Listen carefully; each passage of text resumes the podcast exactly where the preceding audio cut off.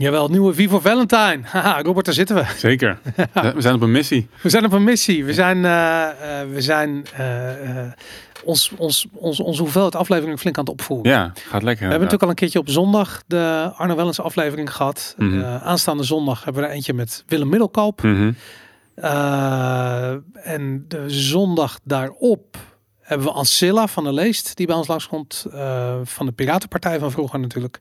En tegenwoordig bij Blackbox. En de week daarop misschien wel Arno Wellens. Ik weet het niet. Klinkt, uh, klinkt mooi. Ja, toch? Ik Gekhuis. ben voor. Ja. Gekhuis. Het is een beetje een experiment. Laat ook eventjes weten in de comments of jullie het leuk vinden uh, om meer afleveringen te zien van Vivo Valentine. Kan Ja. gewoon. Ja, vergeet niet te liken en te subscriben natuurlijk. Dat moet je ook zeggen tegenwoordig. ja, Dat is belangrijk. blijf herhalen. inderdaad. Ja, daarom. Blijf aan. Drie keer moet je het zeggen. Drie keer heb ik gehoord net inderdaad. Ja. Ja. Vergeet niet te liken en te subscriben. Nou ja, vergeet niet te liken en te subscriben. Like en subscribe. Ja. Wat gaan we doen vandaag? Ja, ik weet niet. Ik ben, ik ben een beetje. ehm, ik voel weerstand om het over te hebben, maar toch wil ik het misschien toch wel over hebben. Ik weet waar ik het over wil hebben. Over de, de hele hetze die nu weer eh, los lijkt te barsten over het aantal besmettingen wat oploopt. De meest gelezen bericht van net is dat er 7300 coronabesmettingen waren de afgelopen periode. En eh, ehm, zowel Hugo de Jonge als Klaus Schwab zeggen dat, eh, dat Enger een ding gaat worden. Ja. Het kabinet maatregelen gaat nemen waar, waarvan ze weten dat mensen boos gaan worden. En ik denk van, Ik vond dat, dat vond ik interessant. Hè. Kijk, zo, om te beginnen, eh, het is natuurlijk een open deur, want politiek neemt sowieso maatregelen waar mensen boos van worden. Dus dat, eh, eh, dat is niks nieuws. Alleen er wordt gesuggereerd dat we nu dus heel erg boos gaan worden. Dus niet gewoon boos van die eikels in Den Haag hebben weer bedacht dat er een of andere belastingmaatregel wordt. Nee, we gaan nu heel erg boos worden. Ehm, ik heb zoiets van ja, dat daarmee trek je wel de aandacht naar je toe. Dus de, de, de communicatietactiek is interessant. Dat ze zeggen van ja, ik ga nu iets. Het is bijna alsof je zegt van ja, ik ga nu iets heel grappigs vertellen. Weet je, nou, wat er dan ook op volgt, gaat niet grappig zijn. ja Weet precies. je, dus ja, je hebt ja. precies van nou, ik ben nu heel erg boos aan het worden, want ik maak vast klaar om boos te worden. En dan, dan komt hij uiteindelijk met een of andere maatregel waar je gewoon niet heel erg boos van wordt. Mhm. Ik vraag me af of ik nog boos word van die shit. Ja, ik denk dus, want dat is volgens mij wel de tactiek die ze toepassen. Iets gaan roepen en het dan niet zo ver laten komen. Dat gebeurt constant. Hè? Dat Ja. gebeurt continu. Alleen dan, ja, wat gebeurt er eh, later op de, op, de, op de route? ja, Want nu, ik vind het interessant om te zeggen wat ze niet gaan doen. ja. Ik weet niet waarom, maar heel vaak zie je nieuwsberichten, daar staat in, ja, het is heel erg allemaal, maar dit gaan we niet doen. ja. En dan, dat was een tijdje geleden over eh, Hugo de Jonge, die zei van, ja, we gaan niet, eh, we gaan niet, ehm, hoe zeg je dat, indirect dwingen tot vaccinatie. Ja. Dus allerlei toegangscodes. En, nou, dat was een heel verhaal wat hij hield. En nu hebben we dat nu natuurlijk alweer een paar maanden, waarbij je wel gewoon eh, alleen naar binnen komt met een... ehm, met een QR-code. En nu zegt hij, ja, we gaan geen apart beleid voeren voor gevaccineerden en ongevaccineerden. Maar is het dan ook alweer om dat nu te zeggen dat je het niet doet en dat mensen het wel al een soort van gehoord hebben en dan over twee maanden toch doen? Tuurlijk, dat, dat, dat is wat hij wil. Hij wil deze samenleving in tweeën delen. Net als dat, eh, hoe heet ze, die, die, die, die Arden uit Nieuw-Zeeland dat heel blij toegaf. Ja. Van ja, ik ben erin geslaagd om eh, de, een, een, de samenleving in tweeën te delen. Alsof dat op een of andere manier een, een of ander doel dient. Weet je, van waarom zou je dat in godsnaam voor willen doen? Ik bedoel, met gezondheid heeft het niets te maken. Maar het narratief is wel interessant. Weet je, van waarom, waarom is het zo belangrijk om die verdeel- en heerstactiek zo opzichtig toe te passen? Want dat is wat het is. Waarom hebben we eh, te maken met een overheid die verdeel en heers toepast op de eigen samenleving? Ik bedoel, dat het gebeurt op buitenlandse mogendheden, dat snap ik. Weet je, ik bedoel dat er constant spel is van is Rusland nou wel of niet bij de beetje bij Europa of samen met China tegen eh, ons of juist weer niet. Dat dat een constant spel is, dat begrijp ik wel. Maar waarom moet de bevolking eh, nu het onderwerp zijn van de verdeel- en heerspolitiek? Ja, ja ik, om, om de, ehm, de switch, alles wordt natuurlijk gelinkt elke keer naar de, naar de Great Reset. Om de switch die er aankomt. ehm, ja, m- voor mij moeten mensen een beetje, een beetje mur geslagen worden. Je moet, je moet niet zien wat aan de hand is om de verandering die zij willen doorvoeren, zeg maar, gewoon geruisloos doorgevoerd te krijgen. En, en ik denk dat dat, ja, ik vind het bijna, schrikbarend als je kijkt naar, naar een, een willekeurige nieuwswebsite en je scant de berichten. Ik kijk alleen naar maar van wat willen ze hiermee bereiken. En inderdaad het, het van het narratief van mensen die, die gaan kwaad worden. En inderdaad nu het narratief van gevaccineerde versus ongevaccineerde wordt zo... is in een paar weken denk ik heel erg hard opgeleid. En ik denk, Ja. ja. hier, in wat je zegt, het is, nou, het, is gewoon eng eigenlijk dat ze zo hard daarop Het- ingaan. Het, ik, ik weet niet. Het is eng als je er naar luistert. Ik denk dat steeds meer mensen uittunen. Maar wat ik interessanter vind, is dat eh, verdeel en heers, dat doe je met je vijand. Mhm. Je gaat niet je vrienden verdelen en heersen. Dat maakt geen sens. Mhm. Je doet dat met mensen of groepen of weet ik veel, entiteiten die je als, als bedreiging ervaart. Ja.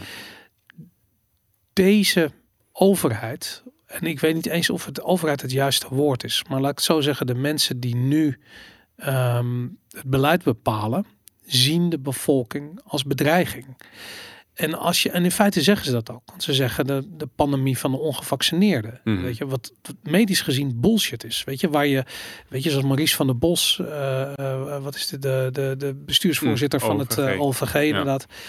Die zegt ook van het is onzin wat er gebeurt. Er is geen enkele medische reden om de samenleving in tweeën te delen. Dat klopt, er is geen medische reden, maar er is wel een andere reden. En dat is namelijk dat verdeel en heers heel goed werkt op het moment dat je ehm, bijvoorbeeld verwacht dat er grote sociale onrust gaat uitbreken. Ik bedoel, als je een, een, een bevolking verenigd hebt tegen machthebbers, om wat voor reden dan ook, heb je als machthebber een probleem. Mhm. Beter verdeel je ze eh, en probeer je de, de, de, de, de, de kwaadheid die zometeen gaat ontstaan, niet op de machthebbers te, Mhm. te, te geprojecteerd te krijgen, maar op elkaar. Want als ze zometeen bij de Albert Heijn staan en ze kunnen eh, een, een, een, een boodschappenmandje eh, afrekenen en het kost 280 euro, eh, dan word je boos en beter heb je dan zoiets van dat is de schuld van de ongevaccineerden. Het ding is, het is de schuld van politici. Mhm. Sterker nog, het is de specifiek de schuld van bankiers en centrale bankiers. Mhm. Zij zijn degene die aan geldcreatie doen. Zij zijn degene die de bubbel tot deze krankzinnige hoogte hebben opgeblazen, waardoor mensen hun vertrouwen in het systeem verliezen en waardoor hyperinflatie wordt gecreëerd zometeen. Maar denk je dat het zover gaat komen, die sociale onrust? Of, ik moet zeggen, ik, volgens mij zei ik een aantal afleveringen geleden dat ik niet me kon indenken dat er weer naar zulke stringente maatregelen ging. Omdat de cijfers er gewoon niet, eh, dat niet faciliteren. Ja, Ik, inderdaad, ik heb vanmiddag nog een, eh, een tweet gedeeld waarbij je de, het aantal overleden personen per week ziet vanaf februari 2020 tot nu. En dan zie, je- zie je die hele grote piek van het begin. ja, Dan zie je die wat kleinere piek zeg maar, van, van eh, afgelopen of vorige griepseizoen. En nu is het gewoon ja, weer redelijk, nog steeds heel lang rond de, weet ik veel, vier, vijf per week. Heel, heel laag in ieder geval. En ik denk niet dat die, die bubbel gaat nog lager worden eh, dan die twee daarvoor. ja. Dus denk je dat, dat ze de, de, ehm, eh, de berichtgeving zo kunnen sturen dat ze die maatregelen er doorheen krijgen? Ik, ik vraag me af het draagvlak er nog gaat zijn met zulke cijfers. Nee, kijk, het- draagplak hoeft er alleen maar te zijn in de Tweede Kamer. Kijk, we hebben al een demissionair kabinet. Wat, Ja. wat moet er nog gebeuren met die mensen voordat ze de hint begrijpen dat ze gewoon weg moeten gaan? Weet je, het is die, die guest, the guest that wouldn't leave. Weet je, dat, weet je, die ene vriend die nog tot vijf uur 's ochtends op de bank blijft zitten nadat het feestje om elf uur afgelopen was. Mhm. Weet je, dat, dat heb ik met, met het gevoel met Rutte en met, met, met het kabinet, met Mhm. het demissionaire kabinet. Aan de andere kant, als de Tweede Kamer hierin meegaat, wat ik echt niet hoop dat ze dat doen, maar als ze dat wel doen, ehm, ja, dan gaat dat er waarschijnlijk wel komen. En dan ga je, eh, dat neemt niet weg dat ik denk dat steeds meer mensen gaan inzien dat corona weg is. Eh, dat we eh, te maken hebben met een griepseizoen en dat de paniek niet nodig is en dat ja, er eigenlijk geen problemen meer zijn.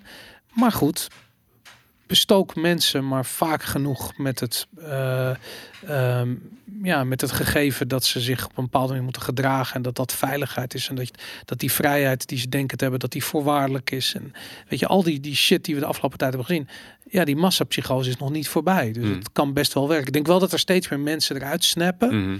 ehm, maar ja, het- er zullen vast nog heel veel mensen daar nog goed in zitten. Ik, ik had van de week een, of mijn zondag een berichtje de interwebs opgestuurd over vragen aan ons Ja, en onderwerpen voor, voor de podcast. En een van de vragen was En van, uh, ik ben benieuwd naar jullie visie het komende jaar. Dus, van, dus nu, we leven, wat is het? Hoeveel oktober uh, 2021? 27? 27 oktober, ja. ja. dus wat, wat, ja, wat gebeurt er tot aan 27 oktober volgend jaar? Heb je daar, heb je daar enig idee bij? Hebben ja. we zo'n twee griepseizoenen? Nou, kijk, één, denk ik. ik. Ik denk eerlijk gezegd, ik denk dat we nog steeds niet een nieuw kabinet hebben dan. Uh, er is, lijkt op dit ogenblik geen enkele drive te zijn om een nieuw kabinet te formeren. Mm -hmm. uh, wat op zich al een, een, een een gigantische red flag zou moeten zijn. Ik bedoel, elk democratisch proces. Het was al overboord met het afschaffen van de grondwet. Of met het tijdelijk, tussen aanhalingstekens, tijdelijk buitenwerking stellen van de grondwet. Um, ja, dit, dit, laat ik zo zeggen, ik denk niet dat we een kabinet hebben mm -hmm. over, uh, over een jaar. Ik denk dat um, de, de, de, hoe noem je dat, de splijting die ontstaat tussen het narratief en de realiteit groter wordt. Mm -hmm. Dat steeds meer mensen. Kijk, nu zullen er dit griepseizoen zullen er mensen zijn die openlijk niet meer bang zijn voor corona. Mhm. Mm -hmm. Geen mondkapje dragen, niet meedoen met de QR-waanzin, gewoon niet meer meedoen met die shit. En dat heeft een aanstekelijk effect, want sommige mensen zullen nog bibberend in een, in een, achter een bank verscholen zitten voor, uh, voor het virus. En anderen zijn gewoon een leven weer aan het leiden. En dat, dat, dat leven leiden werkt aanstekelijk. Mm -hmm. We zijn mensen, we willen leven. Mm -hmm. Dus als jij je vrienden ziet feesten, je hebt zoiets van ja. Oké, okay, misschien moet ik ook maar gewoon de deur uitgaan. Weet je, misschien is het allemaal niet zo erg. Misschien is het niet zo eng. En nou, dan kom je erachter dat er eigenlijk niks aan de hand is. Mm. En ik denk dat dat, um, uh, dat zal groter worden. Dus en, en dat betekent ook dat het narratief gaat hardnekkiger worden, weet je. Dus je gaat steeds meer shit in kranten en dooien en corona en een piek en er is iets aan te komen en een nieuwe modellen van het RIVM, dit en dat. En nieuwe varianten. Nieuwe varianten, zeker weten. Ja, dat gaan we ook krijgen. Um, ik denk wel dat, kijk, wat hier op de achtergrond speelt, heeft alles te maken met, met gewoon het ineenstorten van ons monetaire systeem. Mm -hmm. Daar zitten we middenin. En het is lastig om te zien als je daarin zit. Maar gebeurt er binnen nu een jaar? Het is al aan het gebeuren. Maar in de zin van de inflatie loopt moeilijk hoog op. Dat, dat zien we gebeuren. Mhm. Met name in, uh, dat hebben we natuurlijk al heel lang zien gebeuren in de, in onroerend goedmarkten, aandelenmarkten. En dat gaan we nu ook zien zo meteen gewoon in de supermarkt. Mhm. Ik bedoel, als jij nu bijvoorbeeld een, of een bouwproject hebt of zo, bijna niets meer te doen. Er is geen Mhm. aannemer die voor jou een offerte gaat maken voor een klus die volgend jaar uitgevoerd moet worden. Mhm. Omdat gewoon die prijzen zijn niet meer in te schatten. Nou, dat is een teken aan de wand. Dus ik denk dat we gewoon te maken gaan krijgen met een totaal verlies aan vertrouwen in het systeem. Mhm. Um, Allemaal binnen een jaar nog, hè? Ja, we, binnen een jaar. Ja. Ja. Dat, Mhm. dat, dat- dit gaat over een jaar uh, uh, heel veel verder zijn dan we nu zijn. Dus we gaan veel meer inflatie zien.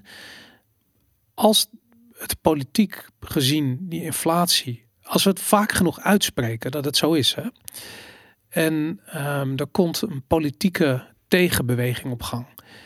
Uh, van mensen die inzien dat die inflatie moet stoppen. Dan heb je kans dat centrale banken, of dus de ECB, een renteverhoging gaat doorvoeren. Als ze dat gaan doen, Hmm. klapt het hele, heleboel klapt in elkaar. Mhm. En dat is ondenkbaar, politiek gezien. Maar wat als dat op een gegeven moment um, aantrekkelijker, een aantrekkelijker scenario is dan hyperinflatie, dan die hyperinflationaire spiraal die aan het ontstaan is. En dat betekent dat mensen moeten om zich heen gaan kijken. Die moeten gaan kijken van hoe is het leven in, um, in Venezuela. Nou, het interessante is, Venezuela is vrij ver weg. Mensen, mensen kunnen zich niet voorstellen hoe dat is. Maar we zien exact hetzelfde gebeuren nu aan de grenzen van Europa. Dus uh, in Libanon, zware inflatie. Turkije, de lieren die 25% aan waarde uh, inlevert ten opzichte van de dollar in, in volgens mij was het een maand tijd. Um, we gaan zware inflatie zien Hmm. om ons heen. De voorbeelden komen dichter bij huis. Mhm. En ik denk dat mensen daar ongemakkelijk van gaan worden. En um, die landen, dus Turkije en, en, en Libanon, en, maar goed, in zekere zin heeft Venezuela dat voordeel ook. Die hebben, die hebben de mazzel dat de mensen met geld kunnen vluchten naar plekken waar die inflatie niet zo erg is. Maar als dat in heel Europa gebeurt, daar, daar vlucht je niet meer van. Sterker mm. nog, als het in Europa en in Amerika tegelijkertijd gebeurt, dan vlucht je niet meer. En dat is uh, denk ik het scenario waar ze bang voor zijn en waar ze zich op aan het voorbereiden zijn. En hoe meer je het licht schijnt op dat, die ware achterliggende reden voor deze rare ja, polarisering waar we in terecht zijn gekomen, um, des te minder kans van slagen heeft het. Hmm. En wat voor effect heeft dat op de um, formatie? Want jij, jij denkt dat ze dit hele jaar nog geen uh, kabinet hebben.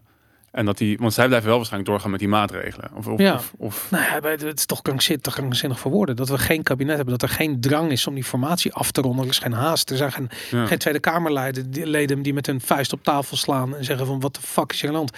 Uh, hoe heet het? Uh, Willem-Alexander die eigenlijk als koning zou moeten zeggen van luister jongens, kom op nou met die shit. Weet je, ik wil gewoon een kabinet voor mijn neus hebben staan. Er gebeurt niks. Het is, er wordt gezwegen in alle talen. Het lijkt, het lijkt volkomen geanceneerd. Dat is het rare eraan. Dat is gewoon het gevoel wat ik erbij krijg. Mm -hmm. Want ook laten we eerlijk wezen, politiek gezien, we hebben een gigantische verschuiving gezien. Het CDA is, is, is extreem veel kleiner geworden. Bijna, bijna gehalveerd. In de, in de peilingen. In ja. de peilingen, Mm -hmm. ja zeker. En uh, um, ja, CDA speelt gewoon een grote rol in de, in de kabinetsformatie. Mhm. -hmm. Niet meer aan de hand van de peilingen die we vandaag de dag zien. Mm -hmm. D66, dat gaat, vliegt alle kanten op. Nu zijn ze laatst weer heel groot. En laatst waren ze weer veel kleiner. En dan wordt Volt weer groter en weet ik veel.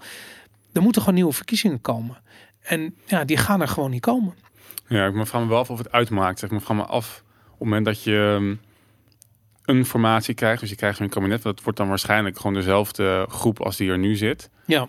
Dus dan, heb je, dan is je demissionair kabinet gewoon weer missionair. Met dezelfde mensen, dezelfde poppetjes. Uh, zonder Mona Keizer. Maar die zag al uh, aankomen wat we nu uh, waarschijnlijk uitgerold gaan krijgen. Ja. Um, nieuwe verkiezingen. Ja, er zijn een aantal verschuivingen. Maar volgens mij ligt VVD nog steeds aan kop. En met de achter PVV, D66 en misschien wordt, nou, de, komt Volt of iemand erbij waar je volgens mij ook niet zo blij van wordt. Dus ik ga me af of daar of dat uh, ik denk dat het interessant is om te kijken wat er gebeurt op het moment dat, dat wat jij zegt, dus men ziet het niet meer zitten met alle maatregelen. Um, en die toch uitgerold blijven. Want zie je dat gebeuren? Zie je dat, dat zeg maar, dus we krijgen nu waarschijnlijk een lockdown of waarschijnlijk dat G2-model zoals dat in Duitsland ook hebben. Dus je mag niet meer testen. Je moet gevaccineerd zijn of je moet de ziekte doorlopen hebben om ergens binnen een herstelbewijs. Ja, je mag geen serologische test doen. Dus dat, die ziekte nee. moet dan de afgelopen half jaar bepassen. Ja, nou, niemand wordt meer ziek van corona. Dus dat, die gaan weg. Dus je blijft met alleen vaccinatie maar over. Ja, ja, daarom. Ja, dus dat. Maar gaan we dat hier uh, want ook het OMT heeft gezegd dat ze daarop tegen zijn. Ja, dat, is, dat vind ik opvallend dat ze dat zeggen. Mm -hmm. Want zij zijn juist de drijvende factor in, Achter het, dit beleid, in de, ja. de, de, escalatie van de maatregelen. Ja, dat is, dat is opvallend dat zij zeggen dat ze tegen zijn. En misschien dat er toch ergens nog een klein beetje van medische ethiek over is gebleven bij die mensen. Um, ik hoop het. Ik hoop het dat ze het stoppen. Want het probleem is wel steeds van die, die escalatie we kunnen gewoon in Australië zien waar het heen gaat. Weet je, we hebben nu in Victoria gezien, in, uh, in de staat waar Melbourne ligt. Um, er is nu voorgesteld uh, mensen die zich niet houden aan een ja, presidentieel decreet. Hij is geen president, Hmm. maar de premier van, van die deelstaat. Als die iets uitvaardigt, die houdt je dan twee jaar gevangenisstraf. Oh, hmm. Hoe dacht je, wat Hmm. dacht je dat, dat daar gebeurt zometeen? 650.000 mensen in Victoria die niet de prik hebben gehaald. Hmm. Die zometeen veroordeeld gaan worden tot twee jaar gevangenisstraf. Is dat misschien waar ze die kampen voor aan het bouwen zijn? Hmm. Weet je, dat, dat zou je kunnen voorstellen. Um, een ander ding was 90.000 uh, Australische dollars boete op het moment dat je je niet houdt aan, uh, aan de voorschriften. Ik bedoel, wat heb je hier? 90 euro boete? Ik weet het niet eens. Geen idee. Ja, maar 85 volgens 85, ja. nou goed, is veel geld. Daar niet van. Maar het is geen reden om je principes voor aan de kant te zetten, bij wijze van spreken. Het is gewoon veel geld. Het is Mm -hmm. kut. Maar het is niet 90.000 euro. En het is niet twee jaar in een, in een concentratiekamp. Mm -hmm. En dat is, ja, dat is waar, waar, waar zij naartoe aan het escaleren zijn. Mm -hmm. Ik kan alleen maar hopen dat we dat in Europa niet krijgen. Mm. En in Nederland niet krijgen. Ja, dat is wel interessant. Want ik zat daar laatst over na te denken dat... Um, met inderdaad, uh, ik, heb ik heb een keer, ik was zelf niet bij deze, bij, bij, bij deze reef, maar de, een vriend van me was een keer bij een reef ergens in het zuiden van het land. Mm -hmm. um, met een, nou, hij zei tegen de duizend man aan, ergens in een bos. Ja. Met de politiedrones die, zeg maar, die over en weer vlogen, maar niks deden. Ja. Want probeer maar eens duizend man zeg maar, weg te krijgen. En dat is Ja. volgens mij wat mensen ook niet beseffen. En want er zijn nu al niet genoeg plekken in de gevangenis, zeg maar, om, om, om de mensen die echt iets gedaan hebben uh, vast te houden. Laat staan dat als we al is het met een groep van 100.000 man er het gewoon niet meer pikken. eh, Ja. de, de- ze kunnen er weinig tegen beginnen. En, Maar, maar dat is het ding. En dat vind ik interessant. Kijk, ik, vind- ik vind de demonstraties heel belangrijk. Hè? Op de Dam en in, in, weet ik veel, op het Malieveld. Weet ik, het is allemaal supergoed dat dat Mhm. gebeurt. Maar wat nog beter zou zijn, is als mensen gewoon die hele shit naast zich neerleggen. En weet je, dat ergens, dat, dat steekt. Weet je wat mij echt steekt? Dat is dat ik te tijden van een lockdown ben ik heel uitgesproken geweest voor, eh, voor de horeca. Mhm. Weet je, ik had echt zoiets van, die, weet je, ik heb gedoneerd aan cafés en restaurants om ze open te houden. Ik ben toch eh, gaan afhalen terwijl ik het helemaal niet per se wou of zo. Maar ik had zoiets van, om die shit maar te helpen, weet je. En eh, vervolgens eh, ehm, eh, mag ik niet meer naar binnen omdat ik er geen QR-code heb, bij wijze van spreken, weet je. Dat ik zoiets heb van waar is die, waar is die solidariteit de andere kant op? Weet je? Mhm. Ik bedoel, als jij een horecazaak hebt en eh, eh, mensen die juist tegen dat narratief zijn, die hebben je overeind geholpen. Weet je, die heb je gesteund door die kutperiode heen. En wat krijgen die mensen terug? Het feit dat je een, een fucking eh, soort van, van papers, please onzin maatregel gaat enforcen in je horecatent. Mhm. Ja, lekker dan, weet je.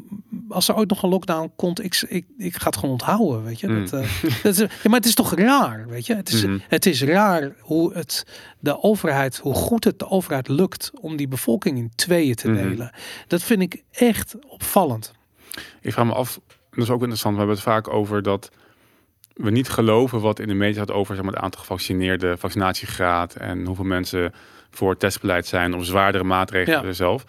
En ik neem aan dat die mensen er enigszins dezelfde in staat zoals jij. Mhm. Maar dat zou, dat zou dan een weerslag moeten hebben op de horeca, omdat mensen daar niet meer naartoe, niet meer naartoe gaan. Ja, maar luister, iedereen gaat gewoon naar de horeca. Is dat dan? Ja, maar omdat, ik bedoel, iedereen, iemand die een, eh, ik laat ik zo zeggen, ik ken niemand die niet gewoon QR-codes krijgt toegestuurd. Er zijn Telegram groepen waar je Mhm. die shit gewoon kunt aanmaken op je naam nota bene. Ik bedoel, het, het stelt geen moer voor. En waarom? Omdat het er ook eigenlijk niet toe doet. Het doel is niet die QR-code, dat systeem waterdicht krijgen. Het doel Mhm. is niet om corona tegen te gaan. Mhm. Het doel is om die tweespal te veroorzaken. En dat lukt gewoon. Mhm. En dat is het pijnlijke eraan. Weet je? Want ik heb zoiets van, ja luister, een tent waar ik één keer in de week eten heb afgehaald, bij wijze van de lockdown, om ze te supporten, waar ik nu eh, aan mijn kop gezeken word voor een QR-code. Ik weet niet, ik ben boos.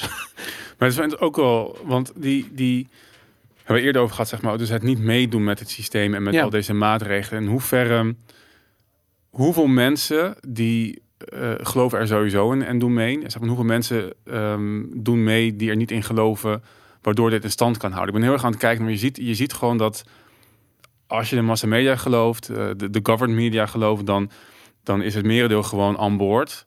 En ga je dus nooit met een groepje van, nou ja, ik veel, 500.000 mensen, Mhm. niet, als je niet meedoet, zeg maar dat, dat, dat, eh, dat de hele, die hele beweging Ja. keren. Nou, het is niet zo. Het zijn niet 70, 70% van de Nederlanders is niet voor speciale maatregelen voor ongevaccineerden. Mhm. Dat ten eerste, het, is, het kan niet, want iedereen kent wel iemand die ongevaccineerd is. Het is ook persoonlijk. Dus stel je voor dat je kinderen hebt en je kind is niet ongevaccineerd, dan betekent het, of kleinkinderen, weet ik wat, dat betekent dat je dus voor uitsluiting bent van de mensen die dicht bij je staan. Dus het is onzin. Ja, maar ik vraag me af of dat zo is. Want ik weet, in, in mijn bubbel is dat ook niet zo. Maar als ik dan kijk, ik, ik zit door mijn werk bij de gemeente Amsterdam ook in een andere bubbel. Ja. En ik heb het idee dat iedereen daar gevaccineerd is. eh, en ook hun familie.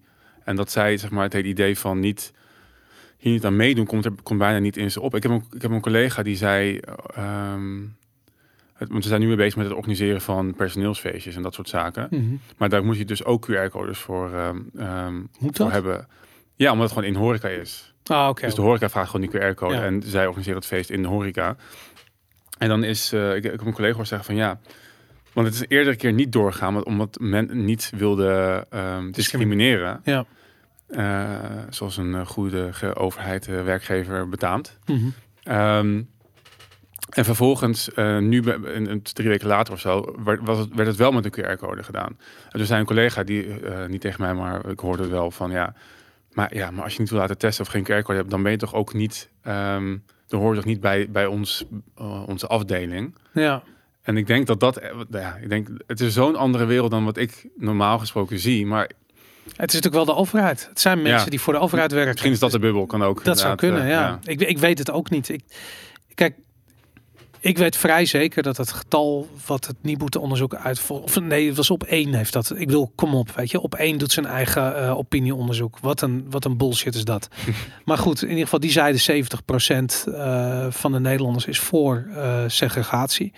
Ehm, ik geloof dat niet. Dat Hmm. is niet zo. Want wat ik ook om me heen zie...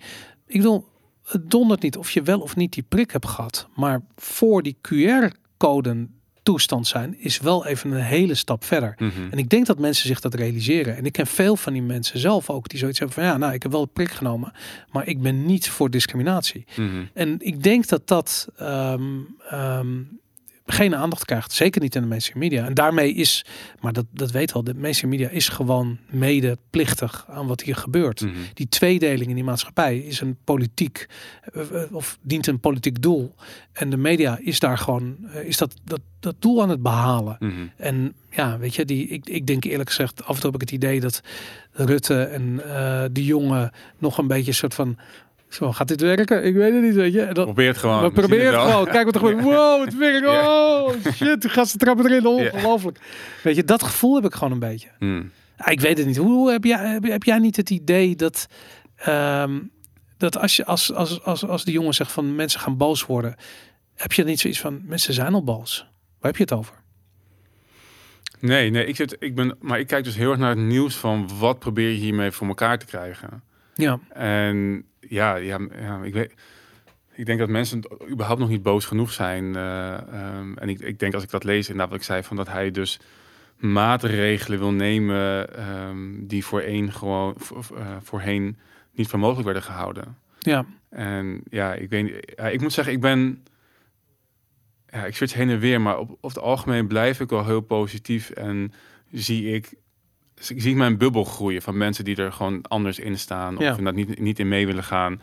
En daarom zei ik, want ik, ik, ik had niet verwacht dat er, dat er weer maatregelen zouden komen nu, deze, dit griepseizoen. Omdat ik dacht, Ja. van, ja, volgens mij is de koek gewoon op. Zijn mensen er klaar mee? Willen we weer terug naar, naar echt normaal? ja. Uh, en gaan ze het niet pikken? En dus de vraag is van, is de politiek hun hand nu aan het overspelen? du- Dus door toch weer dingen te gaan opleggen. Tenminste, dat moeten nog, nog blijken. Maar de gelekte berichten die lijken er wel naar te hinten. Nou, het vervelende is, je hebt gelijk. Want ik had ook het idee van, we moeten het er niet over hebben. Want als je het over hebt, wordt het Mhm. ook op een bepaalde manier werkelijkheid. Mhm. Nu zijn, wij zijn al soort van... eh, eh, Medeplichtig. Ja, we zijn, we zijn aan het, hoe noem je dat? Aan het, aan het, aan het, aan het projecteren waarmee het gewoon, ja, het, het, het is zich, het is werkelijkheid aan het worden doordat Ja. we het erover hebben. Ja, en daarom zei ik vorige ook, volgens mij moeten we... Maar dat is heel lastig, meer naar die oplossingen gaan kijken inderdaad. Ja. Wat, wat kunnen we nou gaan doen? Misschien nu in, in, in, die, in die visie van het komende jaar om... Ja, om hier nog goed uit te komen. En daarom vroeg ik ook van hoe zit het nou met het meedoen met, met die QR-code business. Ook al heb je niet zelf getest, zeg maar. Ja. Je dus, Uh-huh. eh, ik vraag me af of dat iets oplevert. En ik vraag me af wat wel iets oplevert. En natuurlijk het, het opzoeken van horeca die niet controleren, want die zijn er ook. Ik heb Ja. een hele lijst met horeca in Amsterdam van mensen van, die, die het dus niet openbaar doen. Want dat vind ik ook een ding. Ik vind het mooi als je het openbaar doet als je op wat is het, leefbewust of kiesbewust Ja. snel staat.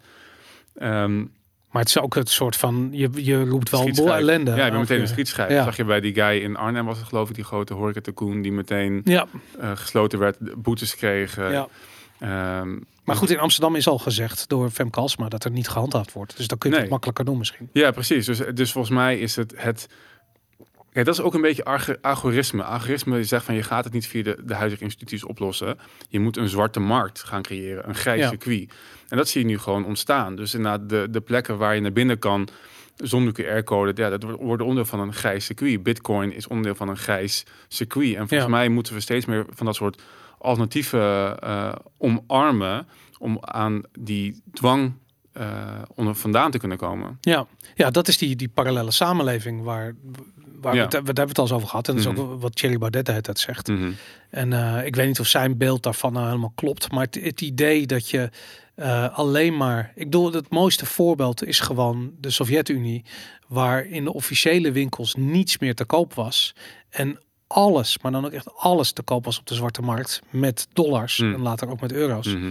En eh, ja, die roebels, dat, eh, als je die had, die wisselde je zo snel mogelijk om via een hele dure wisselkoers. Want via de officiële kanalen kon het niet. En dan Mhm. heb je dus een volledig grijs circuit heb je gecreëerd. Waar je dus ook geen belasting in kunt heffen. Want het is gewoon, ja, het, het gaat doen zijn eigen ding. En ik denk eerlijk gezegd, van dat is wat ze eh, als een grote bedreiging zien. En ik denk ook eerlijk gezegd, dat is de belangrijkste tegenkracht die je kunt hebben.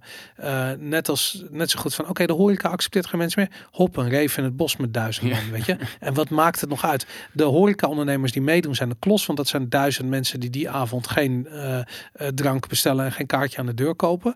Ehm, ja, de, de, de, de politiek die de, de regels eh, verzint, die staat in zijn hemd, want niemand houdt zich eraan. Mhm. En ik denk eerlijk gezegd van ja, dat is hoe je met heel, heel Nederland eh, te werk moet gaan. Ja. Weet je, ik bedoel, dat is de reden waarom je geen QR-code moet hebben. En dat is de reden waarom je daar, je moet daar gewoon niet aan meedoen, omdat je anders het systeem in stand houdt. Mhm. Iedere keer dat jij je QR-code laat scannen, en het dondert niet of het je eigen is of dat je hem van, van, van, van een Telegram groep hebt geplukt. Het maakt niet uit, maar je bent toch aan het meedoen, aan het in stand houden in dat systeem. En hetzelfde geldt voor ondernemers die er naar vragen. Weet je, je bent gewoon letterlijk aan het meewerken aan je eigen ondergang. Dat is wat er gebeurt als jij een QR-code vraagt. Oké, maar dan de meerder, meerderheid doet het dan wel. En een, en een klein groepje doet het niet. Wat, wat, wat, wat, wat halen ze daarmee dan? Wat bereiken daarmee? Ja, ik denk dat ik er, is, er, is, er is een vast wel een grote groep die geloven dat ze daadwerkelijk iets doen tegen corona of zo. Mhm. Weet je, ik bedoel, die mensen zijn er. En eh, ik spreek ze ook wel eens en die denken dan, die, die, die denken dan serieus dat van ja, onze hele economie is stilgelegd door corona. Weet je, en dan zeg je van nee, het is stilgelegd door de overheid. Weet je, corona is gewoon een griep. Of, is gewoon, of misschien een hele ernstige griep, whatever, maakt niet uit. Maar, de, maar corona is niet in staat om economieën stil te leggen. De overheden doen dat. Mhm. Ehm, en dan zeggen ze van ja, maar, maar eh, weet je, mensen op de intensive care dan en in de ziekenhuizen die gaan dood en hoe erg is dat? En ik heb zoiets van ja, weet je, je kunt de hele tijd naar iets anders wijzen en je kunt de hele tijd proberen om het probleem groter te maken dan het is. Maar aan het eind van de rit, kijk naar de, weet ik veel, kijk naar de ehm, het B- gemiddelde BMI van de mensen die op de IC liggen. Mhm. Weet je, ik bedoel, dat is, dat, is, dat is ook nog eens een keertje hard aan het stijgen. Dat is gewoon niet best. Mhm. En ehm, ja, het, het, het zou veel meer sens maken. Want nu zeggen ze, ja, het gaat om of je wel of niet gevaccineerd bent. Ik zou zo vijf andere redenen kunnen, ze, kunnen noemen die ervoor gaan zorgen dat je daar op de IC belandt. Mhm. En eh, dat zijn allemaal redenen die met lifestyle aanpassingen eh, op te lossen zijn. Daar Mhm. hoef je geen prik voor te halen. Sterker nog, die prik beschermt je er waarschijnlijk niet eens tegen. Als jij ongezond bent en eh, je loopt tegen een ernstige ziekte op, dan is het ziekteverloop waarschijnlijk ernstiger. Het maakt niet uit wat die ziekte is. Mhm. Ja, daar kun je niet tegen vaccineren. Misschien tegen de griep of tegen dit of tegen dat, maar niet, weet ik veel. Sommige, ik bedoel, eh, obesitas en kanker gaan hand in hand. Weet je, hart- en vaatziekten hand in hand.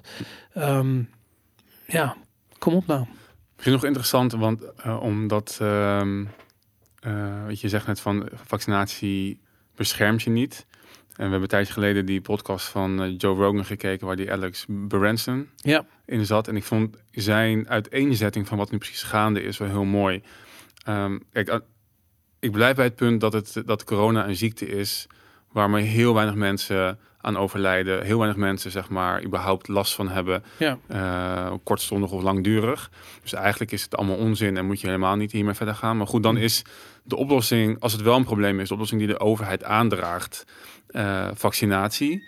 Ehm, en Alex Berenson had het vo- namelijk over die mRNA-vaccinatie. En die stelde daarin dat eh, onderzoek uitwijst dat die vaccinatie eigenlijk alleen maar effectief is nou ja, de eerste week, weken dat je het hebt genomen. Dat het heel snel afneemt, Ja. activiteit. Dat zien ze toch ook nu, weet je. Dat is, het, dat is de reden waarom mensen met prik gewoon in het ziekenhuis belanden en gewoon heel ziek worden. Ja, maar daarom, ik vind het wel mooi, omdat, omdat je natuurlijk ook vaak hoort dat het zeg maar dat vaccin iets kwaadaardigs is of dat het überhaupt niet werkt. En ik vond zij, hij was heel stellig van wat het mRNA-vaccin doet, is dus een hele kortstondige bescherming bieden tegen corona, maar ook heel tegen een heel specifiek Ja, het spike, het spike eh, eiwit en Ja. niet het hele virus. Ja, dus hij zei dat mRNA-vaccin zorgt voor zo'n ehm, reactie waar, in, jouw, ehm, in, jouw, in, jouw, in jouw cellen waardoor, of in jouw auto-immuunsysteem, waardoor je eh, antistoffen gaat creëren voor een hele specifieke strain van, van COVID. Ja. En wat ze zien nu is dat dus de varianten dus daar hele, helemaal geen uh, effect op hebben. Als jij natuurlijke, in tegenstelling tot een natuurlijke uh, immuunreactie, als jij gewoon corona krijgt, Mhm. dan ben je veel breder beschermd. Ik vond het Ja. een hele sterke en, en, en, en ehm, ja, ik moet niet zeggen logisch, maar, eh, een- maar goede uitleg van hoe dat nu werkt. En waarom je dus ziet dat we nu in Israël de derde prik krijgen en België de vierde prik krijgen. Dus, Die prikken moeten gezet blijven worden. Ja. Wil je jezelf kunnen beschermen tegen een infectie. ja, En, want, en, en sterker nog, dan is het nog maar de vraag of het 100% werkt. Mhm. Je? Maar in ieder geval, de, de werkzaamheid neemt af. mhm. En dan, ja, dan zeggen ze nu zes maanden. Dat is in Israël dan tenminste. En dan moet je nu je derde prik gehaald hebben. Dan zes maanden. En daarna weer zes maanden. Ik weet, ik, ja, ik weet het niet. Ik, ik bedoel eerlijk gezegd, ik, ik bedoel, ik zie al die artikelen voorbij komen. En het zijn gewoon, het is het ene onderzoek tegen het andere onderzoek. Wat, wat mijn grote probleem is, ehm, is dat ehm, ik zag laatst een van een clip voorbij komen van een jongen die zich niet wilde laten prikken. En die was dan bij een of andere talkshow te gast. En er zaten natuurlijk weer vijf mensen tegenover hem om hem in te hakken waarom hij dat moest doen. En toen op een gegeven moment was er een. Hij mocht niet eens aan tafel zitten. Hij zat, echt op een stoel Oh, ja, erbuiten. ja, ja, ja. En eh, toen was er een of andere arts en die draait zich om naar hem. En die zit dan echt tot vier keer, of drie of vier keer toe zit hij tegen hem te zeggen. Maar dan doe je het toch voor elkaar. Je doet het toch voor de samenleving. Je doet het toch voor een ander. En ik had echt steeds van, dit is een arts. Weet je, hoe dan dat dit, deze psychologische druk iets te maken heeft met een medische behandeling. Weet je, ik bedoel, het, het, het is gewoon een, een vorm van manipulatie om dat te zeggen. Weet je, Mhm. ik bedoel, niemand is verantwoordelijk voor de gezondheid van een ander. Punt. Mhm. Klaar, weet je. Je zou kunnen zeggen van oké, als je weet dat je een besmettelijke ziekte hebt en je gaat willens en wetens iemand Ja. anders in gevaar brengen, oké, weet je, dan doe je iemand misschien wel wat aan. Maar we hebben het hier niet over mensen die ziek zijn. We hebben het hier over mensen die besluiten om een bepaalde medische behandeling niet te ondergaan. Dat is niet hetzelfde Mhm. als ziek zijn. En daar, daarom, als ze, als ze inderdaad dat testen weghalen uit die. Ik bedoel, los van hoe krankzinnig de QR onzin is, hè, want Mhm. het is echt onzin. Maar als ze het testen eruit halen, ehm, dan ga je dus eh, ervan uit dat mensen die niet gevaccineerd zijn, automatisch ziek zijn. En dat is, dat is pas ziek. Weet je, dat is echt, echt Ja. insane. En je gaat vanuit dat gevaccineerden ehm, eh, nooit, nooit ziek zijn. Wa- Wat er ook zo is, dat als jij eh, gewoon corona hebt en je hebt een prik gehad, en dan kun je gewoon corona krijgen, niemand die daar ergens erg van opkijkt, dan krijg je gewoon je groene vinkje. Dat blijft je Mhm. gewoon, maar ondanks dat je door de GGD eh, positief verklaard wordt. Hè? Je blijft Mhm. je groene vinkje. Ja. aan. Nou, sorry, maar, maar ik wil, hoe erg wil je nog horen dat dit, deze poppenkast eh, iets anders is dan dat? Het is Mhm. gewoon poppenkast. Ja, en om het af te maken, dus in België hebben ze nu onderzoek gedaan naar. Dus Maurice de Hond die had daar vanmorgen een artikel over. Ja. Van, want nu is het narratief in Nederland dat de IC's volstromen met ongevaccineerden. Dus dat is nu een probleem. Dus we hadden begin van vorig jaar hadden we geen gevaccineerden. Ja. Volgens mij is het IC, IC's waren vol, maar er is niks eh, heel rampzaligs gebe- ge- gebeurd. En nu zijn we voor 85% gevaccineerd. Eh, en is dat, is zijn, die, zijn die 15% van de mensen het probleem? Terwijl je in België ook ziet dat eh, meer dan de helft van de mensen op de intensive care en in het ziekenhuis, die zijn gewoon gevaccineerd. Maar dat is hier ook zo. Ja, nee, precies. Dat denk ik dus ook. Maar dus, Tuurlijk. ja. dus dat even, ik wilde even gewoon het, het bullshit narratief poppenkast Ja, ja. afmaken met deze kerst op de, op Ja. de, op de Nee, dat, dat heeft die directrice van het Maastrichtse ziekenhuis, die heeft dat ook gezegd. Van, die zei letterlijk acht op de tien eh, mensen die op de IC liggen of in het ziekenhuis liggen eh, met eh, corona zijn gevaccineerd. Acht op de tien. Mm, mm. Nou, sorry, hoe wil je nog volhouden dat dat vaccin je beschermt tegen corona? Je krijgt het gewoon. Wat ik wel moet zeggen is dat, wat, wat natuurlijk al de voorstanders zeggen, van ja, maar de uitkomst van het ziekteverloop is minder ernstig als je gevaccineerd bent. Weet je wanneer die ook minder ernstig is? Als je gewoon fucking gezond bent. Ja. Weet je, dus ik, ik, ik, heb, ik blijf erbij. Mensen moeten dat voor zichzelf inschatten. Ik ben niet tegen het feit dat die vaccinatie bestaat. Als je jezelf als risicogroep inschat, neem die fucking shit. Ja. Weet je? Maar als jij, weet ik veel, vijf dagen in de week in een sportschool, of niet, het hoeft helemaal niet zo extreem, maar als je gewoon bezig bent met gezond zijn, dan weet je, ik bedoel, dan is je risicoprofiel anders. Dan Mhm. ga je daar toch anders gedrag bij. Bij, bij, eh, bij opzoeken. Dus het is insane om de hele bevolking door hetzelfde deurtje te willen krijgen. Mensen zijn niet allemaal hetzelfde. Ja, en daarom blijft de hele coronacrisis en de reactie van de overheid gewoon een soort van petri dish voor hoe de overheid altijd werkt. Ja, Dus je hebt altijd een, een one size fits none oplossing. Het kan maar op één manier. Eh, en dat is deze manier. En je, er is geen plek voor maatwerk. Terwijl inderdaad, nou ja, iedereen is verschillend en maakt verschillende keuzes. En wil ook verschillende dingen in het leven. Ja. Dus daar moet je gewoon de ruimte voor bieden. En ja, ik, ja ik, daarom blijft fascinerend om hier op deze manier naar te kijken. En goed, ja. Central planning werkt gewoon niet. ja, dat is precies mijn punt. Ja. Is er, is er één voorbeeld van central planning wat wel werkt? Ehm, en dan even los van. Nou ja, de vraag is van wat versta je onder cent- central planning? Want wat je ook vaak ziet in libertarisme is dat mensen een hekel hebben aan hiërarchie en leiderschap en leiders. Ja, Waar ik me in kan vinden, maar het is wel wat anders dan, dan gedwongen, ge- gedwongen central planning.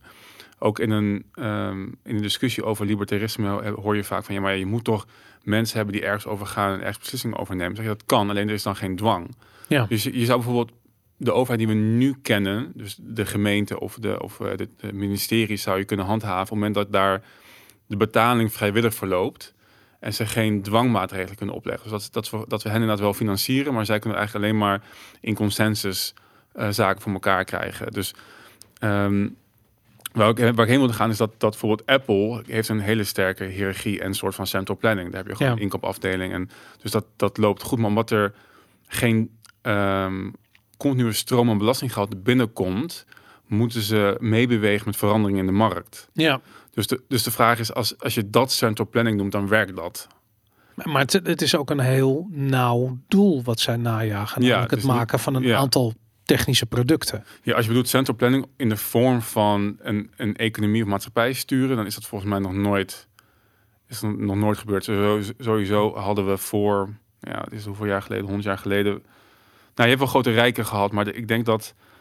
Eh, Is dat niet het ding, defensie? Is dat niet het, de, de, de, de, soort van het ultieme argument? Het feit van, stel je voor, overheid. ja, dus dat je je buurland heeft een uh, centraal aangestuurde uh, economie Ja. en een groot leger wat daarbij hoort. En uh, zelf ben je uh, totaal niet. Uh, een goed voorbeeld vind ik de Bataafse Republiek, waar we wat jij nog verteld hebt, dat wij dat Nederland geen landmacht had en daardoor eigenlijk geen enkel verweer had tegen de druk, de politieke druk die Mhm. uit Duitsland en Frankrijk kwam. Mhm. En waardoor we dus onze republiek hebben afgeschaft en weer een koningshuis hadden. Ja.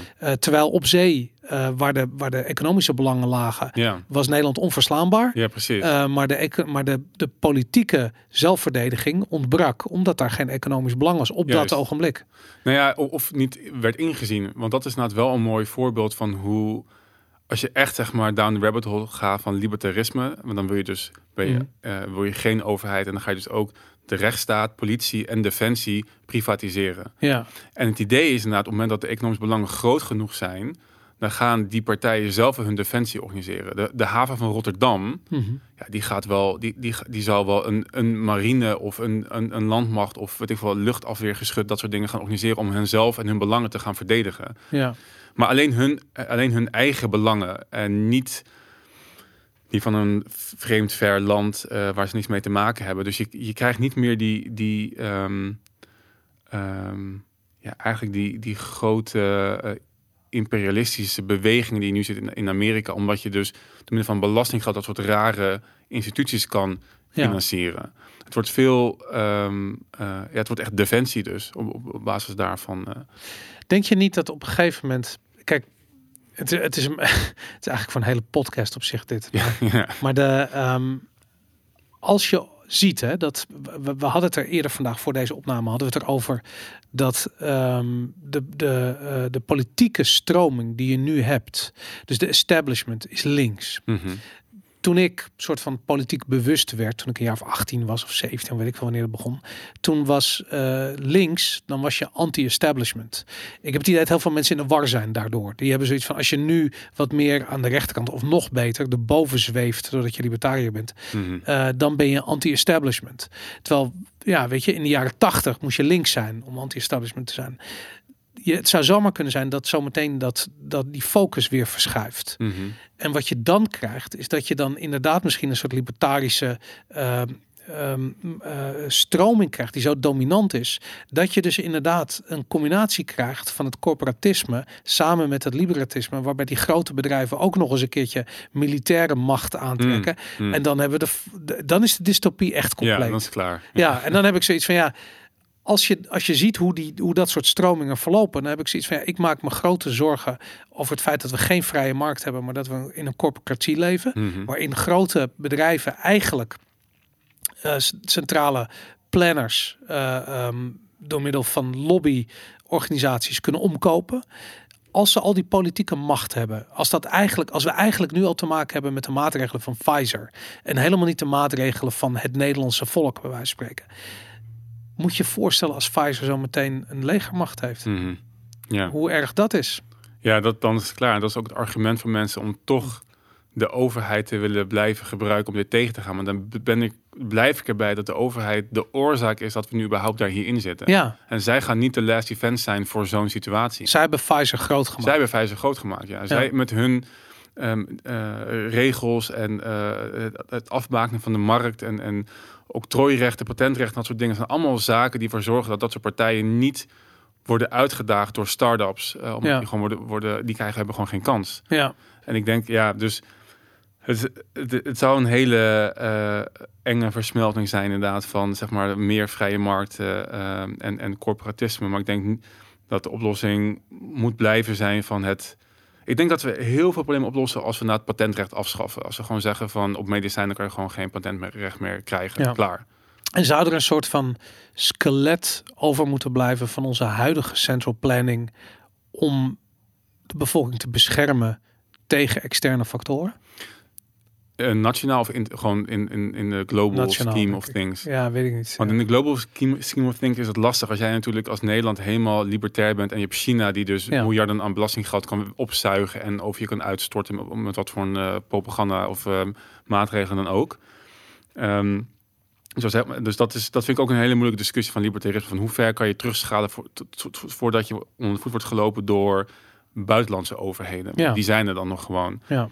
En ik denk dat je dat inderdaad, eh daar ben ik ook voor een, een stapsgewijze terugschaling. Dus begin maar met het met patentrechten en belasting afschaffen. We moeten eerst namelijk die bevolking weer verantwoordelijk en vermogend en, eh, eh, en, en, en sterk krijgen. En op het moment dat je dat hebt opgebouwd, dan denk ik namelijk op de lange termijn gaat dat het winnen van de central planning van China. Dat zie je nu ook al, dat daar bedrijven omvallen. Ik heb, ik heb letterlijk, ik heb voor mij zes jaar geleden discussie gehad over eh, kapitalisme versus communisme. En toen kreeg ik eh, teruggeworpen, maar Venezuela dan? Ik zei, wacht maar.